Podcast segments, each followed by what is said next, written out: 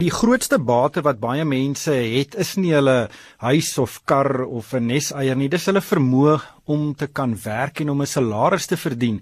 En daai vermoë om 'n inkomste te verdien is geweldig belangrik want uh is uh soos my dogtertjie altyd sê as jy nou uitstap en as daar 'n klavier op jou kop val, dan kan daar 'n groot gemors wees en uh, veral in uh, huishoudings waar daar uh, baie afhanklik is, daar moet mense kyk en voorsiening maak om daardie inkomste te beskerm om seker te maak dat uh, 'n hele familie nie daar net 'n groot skuld meelsteen om die om die nek kry nie. En en ek dink dis 'n baie baie belangrike onderwerp um, wat nie genoeg aandag kry nie. En nou ek weet baie mense sien lewensversekering en ongeskiktheidsdekking as 'n tipe van 'n wrok aankoop. Uh, die Engelse gebruik die term 'n grudge purchase. En uh mense sien dit as jy betaal elke maand vir iets waarvoor jy nie onmiddellike tasbare voordeel kry nie. Maar uh ek dink die nadele om nie enige versekerings of dekking te hê nie weeg baie baie swaarder um, as die paar rande wat jy elke maand daarvoor moet betaal. Nou uh, ek het twee gaste met uh, wie ek vandag gaan gesels oor hierdie belangrike belangrike onderwerp. Henk Mentjies, hy's 'n aktuaris by uh, Liberty. Uh, hy saam met my in die ateljee. Goeiemôre Henk. Goeiemôre Ryk en goeiemôre aan die luisteraars. En ook Amelia Morgenrood, sy's natuurlik 'n finansiële raadgewer by PSG in Pretoria en 'n gereelde deelnemer aan die program. Uh, goeiemôre Amelia. Goeiemôre Ryk. Henk, ek, ek wil by jou begin en net kortliks. Presies, wat is lewensversekering en en wat is 'n ongeskiktheidsdekking en en hoe moet mense daarna kyk om hulle ehm um, vermoë om 'n inkomste te verdien te kan beskerm? Ryk, ek dink soos wat jy vroeër genoem het, eh, dis dalk help om te begin met versekerings in in drie klassifikasies te dink. Die een is ou bateversekering of korttermynversekering soos ons daarna dink karre, ehm um, motors, jou huis uh, wat jy wil verseker en dat as jy 'n ongeluk is dat jy jou kar kan kan laat herstel. Ehm um, die tweede een is is vir my in Suid-Afrika ehm um, mediese fonds. Ehm um, so om seker te maak dat jy dekking het om te betaal vir mediese behandeling en en mediese fonds is is 'n baie belangrike ding. Laasens is dan jou langtermynversekering of jou lewens- en en gesondheidsversekering soos wat ons uh, dit noem. En en dit is nou waar ehm um, oor ons vandag gaan praat. Ehm um, inkomstebeskerming soos ons genoem het is baie belangrik en en dis dis belangrik reg van die dag wanneer jy 'n inkomste begin verdien dat jy daaroor dink om om hierdie ehm um, vermoë wat jy het te te verseker en ehm um, regtig waarna ons kyk as versekeringsmaatskappye is om produkte te ontwikkel wat nie noodwendig ehm um, 'n spesifieke uh siekte of ongeskiktheid dek nie maar maar regtig on, ons kyk na die individu en sy ehm um, vermoë om sy werk te doen. Ehm um, so ons praat baie van ehm um, own occupation uh versekerings. So ons kyk letterlik na wat is dit wat jy in jou beroep moet doen op 'n daaglikse basis en dan kyk ons in die toekoms as iets met jou gebeur wat jou ehm um, dat jy dit nie meer langer kan doen soos wat jy dit gedoen het nie dan dan wil ons hê 'n produk moet inskop en en help om te betaal ehm um, aan jou daai verlies wat jy wat jy dan het. Ehm um, baie keer sal dit dan gekoppel wees aan 'n eintlike verlies in inkomste. So ehm um, ons sal kyk natuurlik as jy nou sê jy jy kan nie meer jou jou inkomste ehm um, of jy vermoë hê om jou inkomste te genereer nie, dan sal ons nog steeds tog kyk of jy wel 'n uh, inkomste verdien. Ehm um, en en as as jy dan nou nie die inkomste verdien dan dan betaal hierdie produk aan jou daai maandelikse salaris wat jy gewoond is.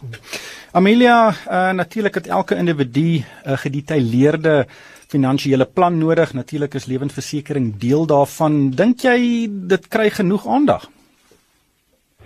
Mm, ek dink by baie van die professionele mense ry ehm um, hier redelik aandag daaraan want ek bedoel as jy byvoorbeeld 'n dokter is en daar gebeur iets met jou ehm um, en jy kan nie meer sien nie of jy kan nie jou hande gebruik nie, is dit eintlik vir jou amper is dit onmoontlik om jou professie ehm um, dan nog voort te sit en jy moet op 'n manier moet jy tog 'n inkomste kry. So ek dink baie van die meer ingeligte mense um, en dan ook baie van die groot lewensversekeraars sal reeds al by studente op universiteit in hulle finale jaar of in hulle honeursjaar um, reeds besoek af lê en praatjies aanbied um, en hierdie tipe versekerings aan hulle bekendstel.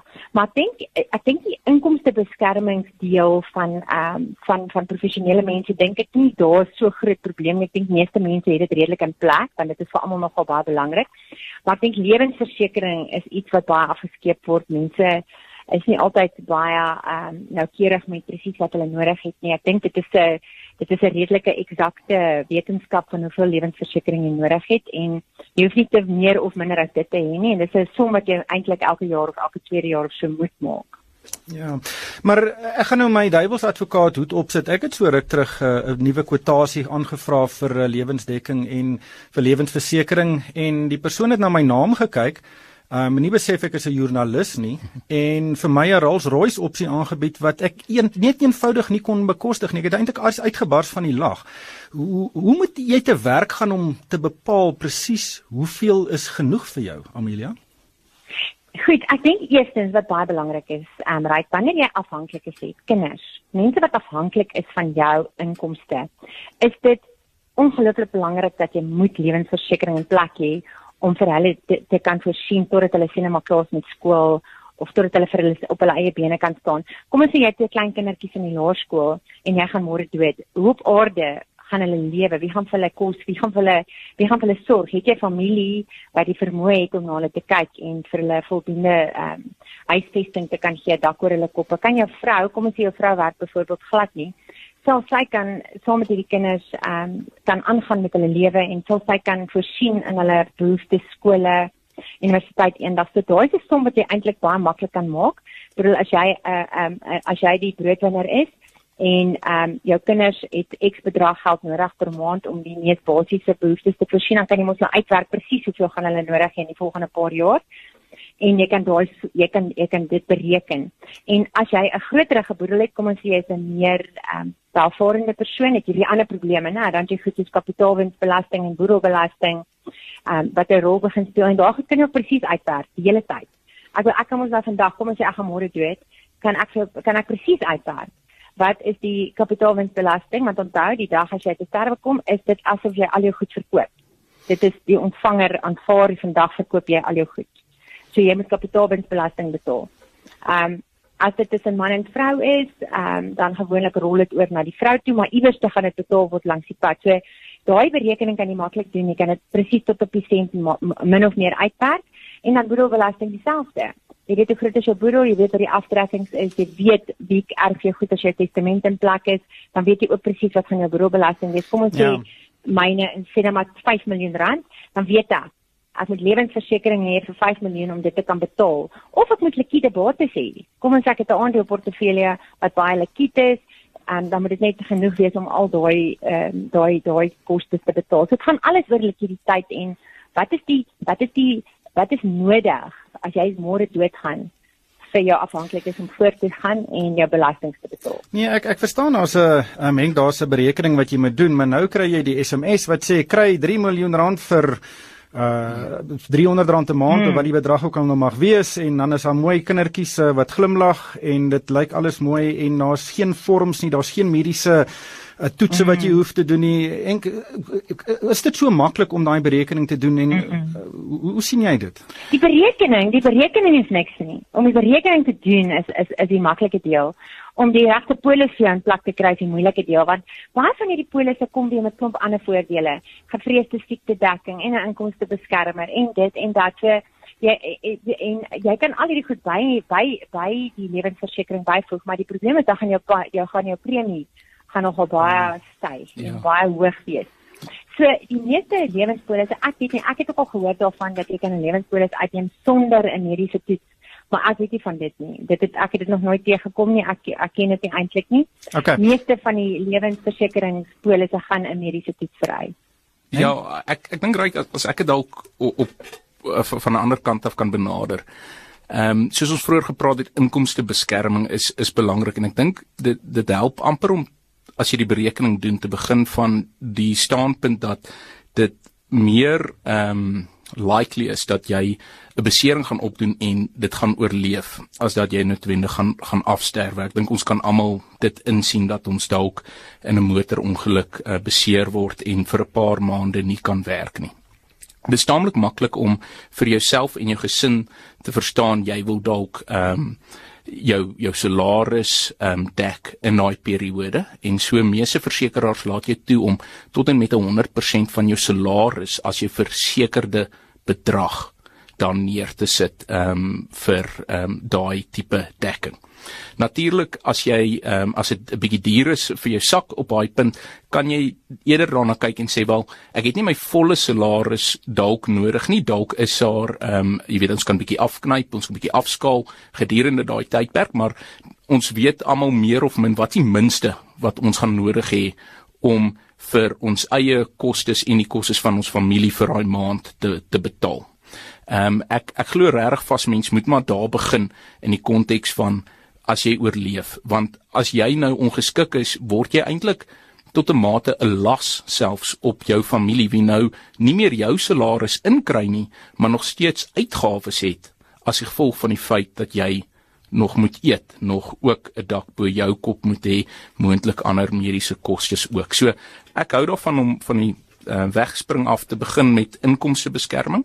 Jou lewensdekking kan jy eintlik met daai selfde nommer dan oorskakel. So as jy sê jy het 10000 of 20000 'n maand dalk nodig terwyl jy lewe, ehm um, vir jou familie as inkomste, kan jy sê wel kom ek haal my eie persoonlike uitgawes hier uit. Ehm um, miskien is dit nie soveel nie, miskien is dit maar net die kos wat jy eet.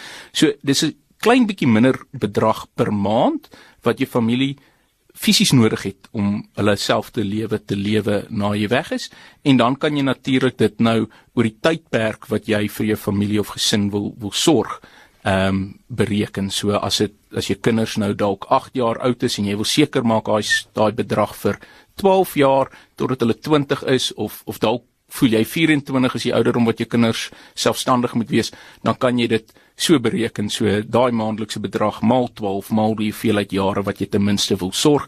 Dit kan natuurlik 'n bietjie meer ingewikkeld raak as jy nou ehm um, interest and time value of money en so wil wil insit maar dis nie jy weet op op 'n wegspringpunt dink ek sal jy 'n goeie idee kry van hoeveel jy nodig het. Hier's 'n hele paar SMS'e wat vra vra oor die koste. Nou ek kan baie vinnig insien dit is makliker om korttermynversekering met mekaar te vergelyk. Jy het 'n motor en jy bel vir uh, maatskappy A en hulle gee vir jou prys en jy bel vir maatskappy B en hulle gee vir jou prys en jy vat die goedkoper ene. Uh dis vergelykbaar met lewensversekering en en dekking is dit nie so vergelykbaar nie. Um en uh ho hoekom is daar sulke hoekom is die bedryf so ingewikkeld ja. sodat dit vir gewone mense dit baie baie moeilik maak om produkte met mekaar te vergelyk amper soos om bankrekenings ja. uh, se kostes met mekaar te vergelyk. Ja. So, so ek dink ehm um, in in die konteks van lewensversekering spesifiek so uh, iets wat uitbetaal op jou afsterwe is dit eintlik taamlik ehm um, vergelykbaar. Ek ek dink die die die verskille in die produkte is is nie vandag so groot soos wat ehm um, sommige van ons dalk ehm um, glo nie, maar daar is verskille in die konteks van hoe die versekeraar besluit wie kan byvoorbeeld dekking by hom uitneem. So daai voorbeeld wat jy vroeër gegee het van 'n 'n maatskappy wat dalk nie mediese toetse doen nie en en dus ehm um, moontlik siek of ongesonde mense op hulle boeke het, behoort 'n 'n hoër premie te vra op gemiddeld as 'n versekeraar wie dalk baie toetse doen of of baie selektief is oor wie dekking kan uitneem. So daar kan dalk 'n premie verskil wees afhangende van hoe streng die onderskrywing proses was, sowel as 'n premie verskil in die koste van jou distribusie, so die kommissie wat betaal word aan die agent. Ehm um, as daar nie agent is nie, is is daar moontlik nie kommissie nie ehm um, wat 'n premie verskil kan maak, maar tog daai maatskappye het baie kostes in adver, advertensies wat hulle uitsit ehm um, en so voort. So ehm um, dit dit help maar om om met 'n makelaar te gesels en en advies te kry rondom jy weet hoe vergelyk die premies by verskillende maatskappye. Ehm um, daar daar kan 'n verskil wees, maar ek dink die dekking self ehm um, as ons kyk lewensversekering is is taamlik standaard. Amelia, hoe gaan jy te werk om uh, verskillende opsies vir jou hmm. kliënte te te oorweeg? Ja. Kyk, die, die probleem is raak ehm um, dat die terme van die polis, daar's soveel verskillende maniere en terme wat jy kan doen. Want byvoorbeeld, jy kan byvoorbeeld lewensversekering uitneem wat nou kom ons sê jy neem dit as jy vandag 1 miljoen rand is, maar oor 'n jaar en oor 5 jaar en 10 jaar bly dit 1 miljoen rand. Of jy kan 'n polis uitneem waarvan die 1 miljoen rand elke jaar kom ons sê met 10% styg of 5%. So verstaan, so nou het jy 'n situasie waar jou premie dan mos nou ook sal moet styg. Dan het jy ook byvoorbeeld premies wat gelykblywend is en dan wat wat versnel. Dan ook kan jy byvoorbeeld 'n polis uitneem, kom ons sê dit het gefeeste siekte dekking en lewensversekering, waar as die dag as jy of as jy ehm um, as dit nie meer vir jou moontlik is om te werk nie, uh, wat uitbetaal maar nog steeds die lewensversekering gedeelte voortsit of wat dit nie voortsit nie, dit beïnvloed ook die premie. So daar's soveel verskillende ehm um, aspekte wat in ag geneem moet word wanneer dit kom by die bepaling van hierdie premie. Um, en of dit nog ander goed insluit. Wat wat is nog die ander terme, jy weet? En dan baie mense is, uh, uh, wanneer hulle die polis uitneem, dan ook af van jou ouderdom.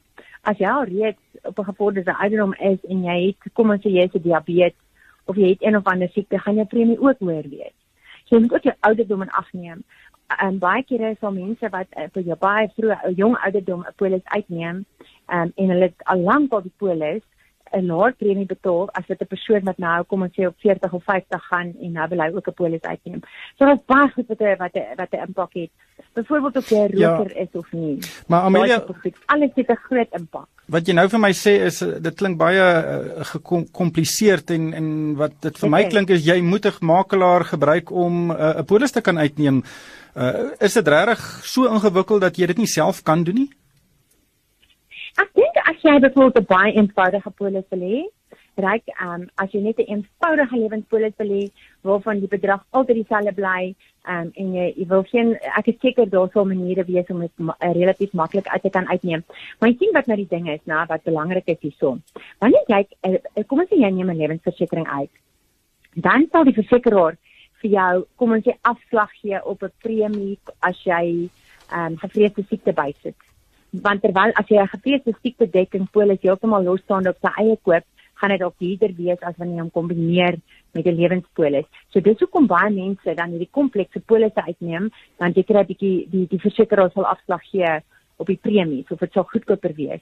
So daar's daar's ek dink die, die ek dink as jy net 'n eenvoudige lewe het, eenvoudige bedoel en jy kan jou eie somme doen, dan is dit vir jou moontlik om net 'n eenvoudige polis uit te neem want dan het jy hom dalk nie vir ewig nodig nie, né?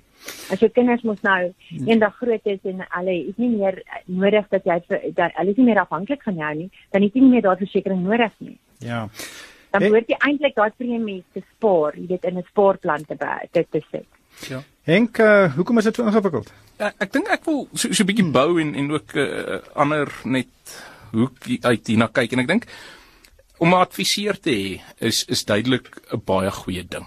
Iemand wat jou kan help om te verstaan wat se dekking jy jy nodig het sowel as wat se dekking jy eintlik het en ook wie kan help ehm um, as jy by 'n eis sou uitkom. Ehm um, maar ek is altyd versigtig dat mense nie moet afsit om dekking in plek te sit totdat hulle die adviseur gesien het nie. Ehm um, baie keer gebeur daar iets in ons ons lewens en ons ons besef ons ons het nog nie genoeg dekking in plek gesit nie. Ehm um, en en dan is daar die geleentheid om moontlik deur 'n uh, 'n uh, 'n maatskappy ehm um, dekking in plek te sit sonder jou jou jou makelaar en en daai daar is heelwat maatskappye in Suid-Afrika wie wie sulke produkte bied. Ehm um, en jy kan dan natuurlik na die tyd wanneer jy ehm um, op jy gerus is met met jou adviseur gaan gaan gesels en en moontlik ehm um, is daar dan 'n uh, alternatiewe plan wat wat beter na na jou ehm um, behoeftes sal sal voldoen. So ek dink ons 'n 'n plek vir vir albei en en mense moenie afsit om om dekking te kry totdat hulle met hulle adviseur praat of of of bang wees dat hulle die verkeerde ding in plek sit nie want tog is is enige dekking beter as geen dekking in die konteks dat as iets môre gebeur nie. Ehm um, Ja, ek sal ook net luisteraars aanraai om gaan speel, gaan spandeer so 2-3 ure op Google en gaan soek 'n bietjie inligting en artikels daaroor. Daar mense leer nogal baie. Ehm um, want dis baie moeilik om die produkte met mekaar te vergelyk en en ek dink uh, met daardie inligting gaan jy baie beter gesprek met jou makelaar hê um, as wat jy daarsonder gaan. Maar Henk, 'n hele paar vrae. Ehm um, hoe oud tot hoe oud kan jy 'n uh, lewenspolis uitneem? Hoe oud? Wat is die maksimum ouderdom? Ehm um, dit hang kom af ehm um, watter maatskappy jy na kyk, maar maar ge, gewoonlik is dit so 70 ehm um, ouderdom wat wat ehm um, ja, dit dit nou nie meer moontlik sal wees om om 'n nuwe polis uit te neem nie. Natuurlik as jy die polis voor dit uitgeneem het dan dan sal hy in in plek bly tot jou afsterwe um, as jy whole of life gekies het. Hmm. Dis baie kritiek vir ek dink die bedryf um, van mense wat vir jare lank bydra dan ewe skielik is daar 'n 'n probleem die persoon verloor sy werk en dan staak hy die polis en dan uh, gebeur daar die uh, uh, uh, ongeluk en ja. uh, dan het hy geld nodig en dan is dit nou die die versekeringsmaatskappy se skuld omdat hulle nie uitbetaal nie. Wat dink jy is die naam van of die persepsie onder verbruikers van versekerings? Ek dink ons baie wat versekerings nog moet doen om om regtig die, die vertroue van van ons kliënte um te wen of terug te wen. Um en en dis nie noodwendig oor dat versekerings iets verkeerd gedoen het in die verlede nie. Ek dink dit is net in in vandag se wêreld um a, a, die die tipe maatskappye met wie verbruikers op 'n daaglikse basis te doen het, um beteken dat vertroue regtig verdien word deur elke dag se interaksies. Ehm um, en jy weet die maatskappye soos Google wat ons almal onmiddellik gebruik, miskien 20 keer 'n dag is is deur verbruikers meer vertroubaar gesien as as hulle banke, as hulle versekerings, alhoewel hulle nie noodwendig dieselfde impak in hulle lewe gaan hê die dag wanneer hulle dit regtig nodig het nie. Ehm um, so so ek dink dit dit dit dit is rondom meer interaksies met met ons kliënte seker te maak ons kliënte verstaan wat hulle het want ongelukkig jy weet as jy dink in die konteks van 'n doodseis of lewensversekering jy raai polis jou hele lewe maar jy gaan nie daar wees om te weet die dag wanneer jy afsterwe dat daai versekeraar eintlik daar was vir jou familie nie. Ehm um, en en so hoe hoe bou ons daai vertroue? Hoe hoe kan ons daai interaksies meer maak en en seker maak dat ons kliënte regtig gemoedsrus het dat ons daar sal wees om om uit te betaal en on, ons het eintlik 'n vreeslike goeie reputasie. Ek bedoel Liberty het, het laas jaar bykans ehm um, 4 miljard miljard rand uitbetaal in eise. Ons het baie mense se lewens in in 'n manier ge, geaffekteer wat regtig ongelukkig nie net deur geld reggemaak kan word nie, maar waar, waar geld net 'n baie belangrike deel is en ehm um, as ons daai stories kan uitkry, as ons daai goeie stories ook ehm um, vir Jan Republiek kan gee, dan dan glo ek sal sal mense sien wat die waarde is. Hmm. Amelia, is daar goeie en slegte versekerings? Ehm um, ek dink jy nou, ek dink dat versekerings wat nie wat wat minder gretig is om jou uit te betaal, en um, daar's sê van die versekerings wat 'n uh, reputasie het dat hulle redelik maklik uitbetaal en nie na die tyd met allerlei stories kom nie. Ehm um, dit is so, maar in die algemeen dink ek die Suid-Afrikaanse versekeringsbedryf is baie goed. En ehm um, ek dink jy weet jy het nou gevra kan 'n belegger dit op sy eie doen? Ehm um, ek het nou terwyl jy gepraat het, het ek weer 'n bietjie daaroor gedink en ek dink dit is baie moontlik as jy net kan besluit wat is die bedrag wat jy wil verseker en wat presies die voordele is wat jy wil hê, kom ons sê jy weet presies ehm um, as jy byvoorbeeld 'n vreesde siekte dekking wil hê en jy gaan na verskillende versekerings toe en jy vra vir 'n kwotasie, sal jy dit met mekaar kan vergelyk. Ek dink dis een manier om dit te doen.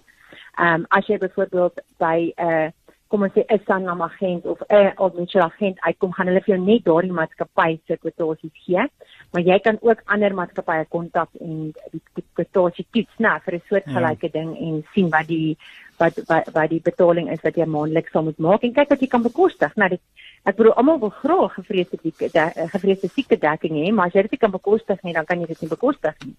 Ja. Ehm um, en ek dink dat baie mense nie van bewus is nie, ryk is dat hulle baie keer deur hulle werkgewer 'n groepslewensdekking het. Baie groot maatskappye het dit deesdae, selfs wat jy sê ons het ook. Ehm um, almal wat by PSG werk het groepslewensdekking. Dit beteken jy het outomaties lewensversekering en net outomatiese inkomste beskermer wat deur die werkgewer um, in plek gesit word en begrafnisdekking en allerlei dekking. So mense moet net by jou werkgewer seker maak of jy nie ook reeds so iets in plek het nie, dan kan jy dalk een minder bekommernis hê. Dankie Amelia. Net 'n uh, paar vinnige laaste vrae. Wat gebeur met al die geld wat jy nou betaal het vir 'n polis as dit tot 'n einde kom? Wie uh, kry jy nooit iets terug nie? Ehm um, so hang af wat wat se terme ehm um, met jou polis uh uh, vas was. In die verlede het ons uh, produkte gehad wat 'n uh, beleggings en 'n risikokomponent ingehaat het en en so daar sal 'n beleggingsbedrag uh, uitbetaal, maar meeste van die produkte op die mark vandag is is net 'n risikoproduk. So daar sal nie uh, iets terugbetaal word as daar nie 'n eis was um, betrokke nie. Ja, ek dink van die SMS'e is baie wantrouig van die bedryf en ek dink dis 'n onderwerp wat ons verder sal moet bespreek veral as mens by die koste element kom van lewensversekering en inkomstebeskerming. Maar ongelukkig het die tyd ons ingehaal. Baie baie dankie aan Henk Mentjies, hy's 'n uh, eh, aktuaris by Liberty en ook Amelia Morgenrood, sy's 'n finansiële raadgewer by PSG in Pretoria. Luisteraars is uh, welkom om vir my 'n e e-pos te stuur. My adres is ryk@moneyweb.co.za. En daarmee met ek groet van myself Ryk van die Kerk en die Moneyweb span. Dankie vir die saamluister.